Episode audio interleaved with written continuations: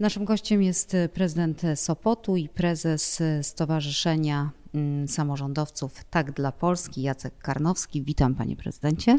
Dzień dobry pani redaktor, dzień dobry państwu. Jesteśmy tuż po spotkaniu z Polonią w Nowym Jorku.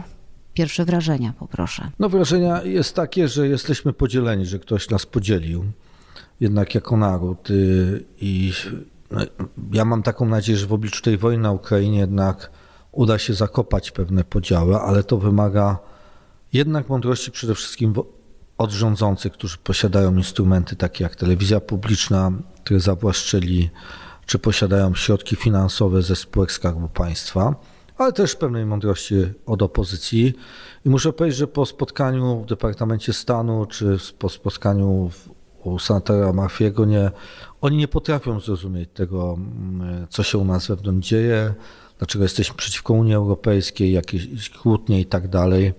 A z drugiej strony nas Amerykanie bardzo podziwiają, bardzo podziwiają Polaków za to, jak stoją za Ukrainą.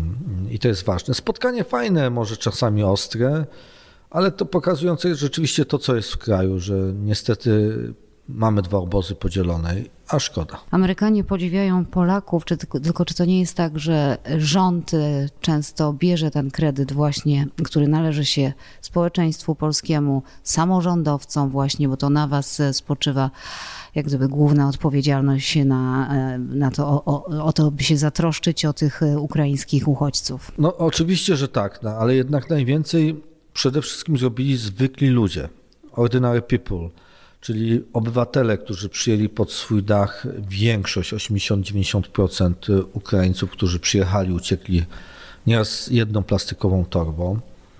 Potem NGOsy, potem jednak władze lokalne, które są najbliżej obywateli, a na początku był zupełny chaos i gdyby nie prezydenci Rzeszowa, prezydenci Lublina czy Hełma, który jest akurat z innej strony sceny politycznej ja, to by był totalny bałagan. Gdyby nie nasze zlinkowanie jako samorządowy, ruch samorządowy tak dla Polski, to byśmy pewnie nie odebrali nadmiaru uchodźców z Warszawy, czy z Rzeszowa, czy z Uższyk Dolnych, czy chociażby z Chełma, czy z Hrubieszowa, a jednak to zrobiliśmy. No i potem do tego dołączył rząd. Myślę, że z takimi nowatorskimi rozwiązaniami typu, że od razu Ukraińcy mogli pracować, tak? co było ewenementem na skalę europejską ewidentnie. I myślę, że w tej sprawie ukraińskiej powinniśmy ewidentnie starać się dopracować kompromis. My jako samorządowcy wymuszamy pewne rozwiązania, chociażby takie, żeby ułatwić tym, co muszą zostać w Polsce, czy chcą zostać w Polsce, żeby mogli szybciej uzyskać prawo pobytu. No, to wypadałoby to zrobić, bo jeżeli nie, to oni, jeżeli nie mogą wrócić na Ukrainę, bo domu nie ma, nic nie ma, no to wtedy lepiej, żeby zostali w Polsce, jechali do Niemiec, do Kanady, czy tutaj do Stanów Zjednoczonych, czy do Szwecji. To jest nasz interes, żeby ci ludzie zostali w Polsce. Sprawa Ukrainy na początku wielki zryw, teraz to już trochę trwa, to też rodzi z sobą różne finansowe problemy i dla tych też zwykłych Polaków, i też dla samorządów, a przecież ta wojna się nie kończy, tego końca nie widać. Teraz w Ukrainie, tak jak i w Polsce, zima, w Ukrainie w wielu miejscach nie ma prądu, nie ma ogrzewania, więc tych uchodźców może być jeszcze, jeszcze więcej, a sytuacja w Polsce, ta finansowa, no też nie jest najlepsza. Inflacja szaleje. E, drożyzna w sklepach wbrew temu, co mówi prezes Narodowego Banku Polskiego, który jest szczerze zaskoczony niskimi cenami, e, jest, jest szalejąca, okropna. E, no a rząd ogranicza samodzielność samorządów, a i także no, ma ogromną chrapkę na, na pieniądze, te, które powinny być przeznaczone dla samorządów. W tej chwili wszystko idzie ku temu, aby scentralizować te działania. Jak sobie z tym radzicie? No jest trudna sytuacja miast w Polsce. Oczywiście my ostatnią rzecz, którą zrobimy, to ograniczymy chociażby środki na oświatę czy na pomoc uchodźcom, natomiast y, musimy wyłączyć oświetlenie, bo jest drożyzna ze strony firm państwowych, y, które są monopolistami na rynku energetycznym i zarabiają krocie, nieuczciwe krocie na nas. E, jest to ograniczenie środków finansowych dla samorządów, ale stąd też e, no, nasze wizyty, czy moja w Niemczech e, z miesiąc temu i rozmowa z klubami Rotary, z Lionsami, z innymi organizacjami pozarządowymi, czy tutaj w Stanach Zjednoczonych, w Atlantic Council, czy w NEDzie, czy w innych organizacjach, czy rozmowa właśnie z przedstawicielami rządu czy Senatu, żeby ta pomoc jednak płynęła, bo i też, że płynęła dla, dla miast, bo na przykład my też oprócz czego za, zaopiekujemy się Ukraińcami u siebie, to pomagamy miastom partnerskim, siostrzanym e, na Ukrainie, którym się opiekujemy, chociażby Sopot, Ackermanem znanym e, z poezji.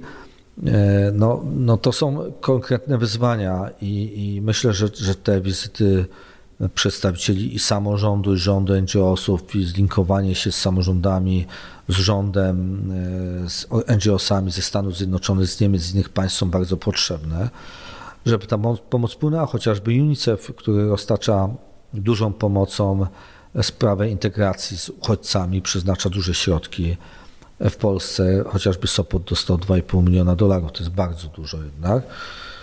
Mimo, że to jest na prawie 2,5 tysiąca uchodźców, które jest w Sopocie w 34-tysięcznym mieście, ale powiem szczerze, że też e, no, jesteśmy na jakimś wyczerpaniu. Oczywiście mówienie o tym, że jest jakiś hejt na Ukraińców jest nieprawdą. Myślę, że to robią rosyjscy trole. Jednak poparcie ciągle dla pomocy Ukraińcom jest bardzo duże w Polsce. Bardzo duże współczucie. No, ludzie, ja mam na przykład żonę matematyczkę i ona mi często opowiada, że po prostu na przykład dzieciaki nie przychodzą do szkoły jeden, dwa dni, bo ojciec nie zadzwonił, e, bo był w Hersoniu na przykład, nie zadzwonił, czy poszedł do niewoli, prawda?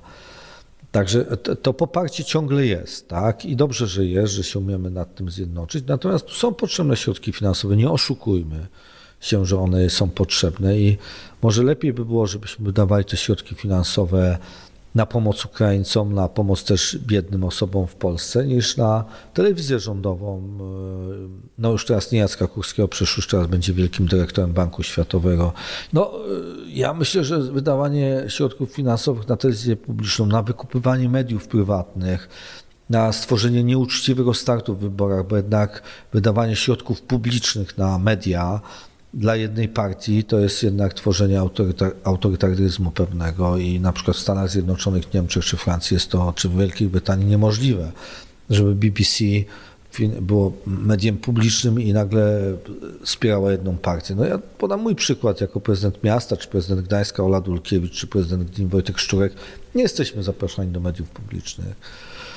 No, co jest pewnym skandalem, tak? Y, także jest głos jednej tuby. Jednak jak się zobaczy na TVN24, czy na TVN, czy na Polsat, to tam, czy na RMF, czy Zetkę, to są zapraszani ludzie z różnych stron sceny politycznej i, i mogą się wspierać i tak dalej. Także y, myślę, że, że warto by było zrewidować i na co się wydaje środki finansowe, chociażby wielka głupota budowa portu centralnego lotniczego, czy niestety przekop Mierzei Wiślanej, symboliczny, ale tak naprawdę przez z portu w Gdańsku do Elbląga jest 60 minut samochodem ciężarowym, trachą szybkiego ruchu.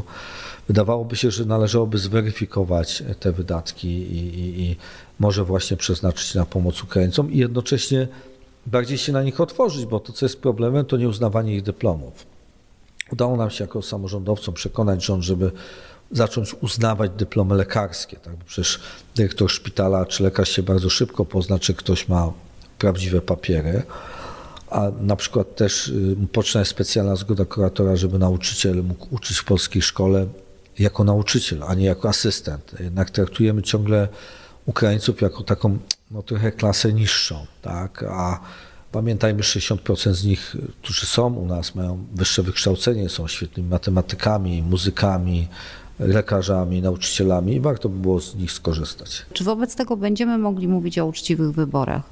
Nie, no one nie będą do końca uczciwe. One będą tak uczciwe jak y, w 1989 roku, kiedy jednak Solidarność nie miała, chociaż był czas antenowy, przepraszam, były bardziej uczciwe za komuny, w końcu komuny. Pamiętam te lata 89, kiedy były wybory i tam czas antenowy miała Solidarność. Teraz można powiedzieć, że w tych mediach publicznych, ja się dziwię, bo no jak się porówna, ile razy prezydent Duda wystąpił, a ile razy Rafał Trzaskowski, no to y, trzeba przyznać, że tutaj była no, ewidentna dysproporcja. Jest debata wyborcza, a potem swój jeszcze czas antenowy w mediach publicznych ma prezydent Duda. Ja się dziwię, że się tego nie wstydzi po prostu, że takiej prostej uczciwości e, ci ludzie się nie wstydzą, czy, czy wydawania czy tego składania się z funkcjonariuszy, którzy pracują w spółkach Skarbu Państwa na kampanię wyborczą. To niedobrze świadczy niestety o nas, y, o takiej kulturze politycznej, której ciągle w Polsce nie ma. Panie prezydencie, ale co ma zamiar zrobić opozycja z tym faktem? Bo to, że wybory będą nieuczciwe, już wiemy. To, że PiS y, nie będzie chciał oddać władzy, no bo wiemy dlaczego. Tam wielu osobom najzwyczajniej w świecie gro, grożą sankcje karne, no bo tam, tam dopuszczano się przestępstw, czy, czy wybory kopertowe, no i wiele, wiele takich innych, prawda? Gdzieś tam po drodze się wydarzyło. Co wy zamierzacie zrobić, aby, aby te wybory jednak wygrać i, no i zacząć naprawiać Polskę? No my jako samorządowy tak dla Polski staramy się zjednoczyć opozycję, bo tutaj nie ma co liczyć na to, czy PSL, czy 2050 Hołowni, czy Lewica, czy Platforma zdobędzie pięć głosów więcej. Tu trzeba po prostu przejąć zdecydowanie władzę, mieć większość taką sejmową, żeby odrzucać weto prezydenta, bo to będzie bardzo trudny czas na rządzenie, na naprawianie Polski jeżeli opozycja e, będzie uważała, że różni się, bo na przykład ma różne poglądy na aborcję, to za chwilę się okaże, że nawet kompromis aborcyjny e, tej ustawy aborcyjnej jest niemożliwy. Tak? Za chwilę się okaże, że nie ma wolnych wyborów. Jak ktoś mówi, że ja teraz będę miał dużo posłów, a potem za pięć lat będę rządził samodzielnie, no to nie będzie rządził samodzielnie, bo to będą wybory jak na Węgrzech, tak? gdzie nie ma TVN24, gdzie nie ma Polsatu, gdzie nie ma RMF-ki, czy Zetki, czy innych mediów, tak, czy, czy radiowych, jak e, tych, co pracuje pani redaktor, po prostu będzie już za późno. Także tutaj mamy nadzieję, że wszyscy pójdą po rozum do głowy, będą chcieli jednej listy. A jakie miejsce w tym, w tym wszystkim zajmuje Polonia? Wracam na koniec do tego, od czego zaczęliśmy, od tego spotkania, od tego, że powiedział Pan, że Polacy są i w kraju, i za granicą bardzo podzieleni, a my tutaj żyjąc wiemy, że PiS robi tu świetną robotę w cudzysłowiu. No i dba o tą Polonię. Słyszał Pan pytania, które padały z sali, były głównie właśnie z tamtej strony.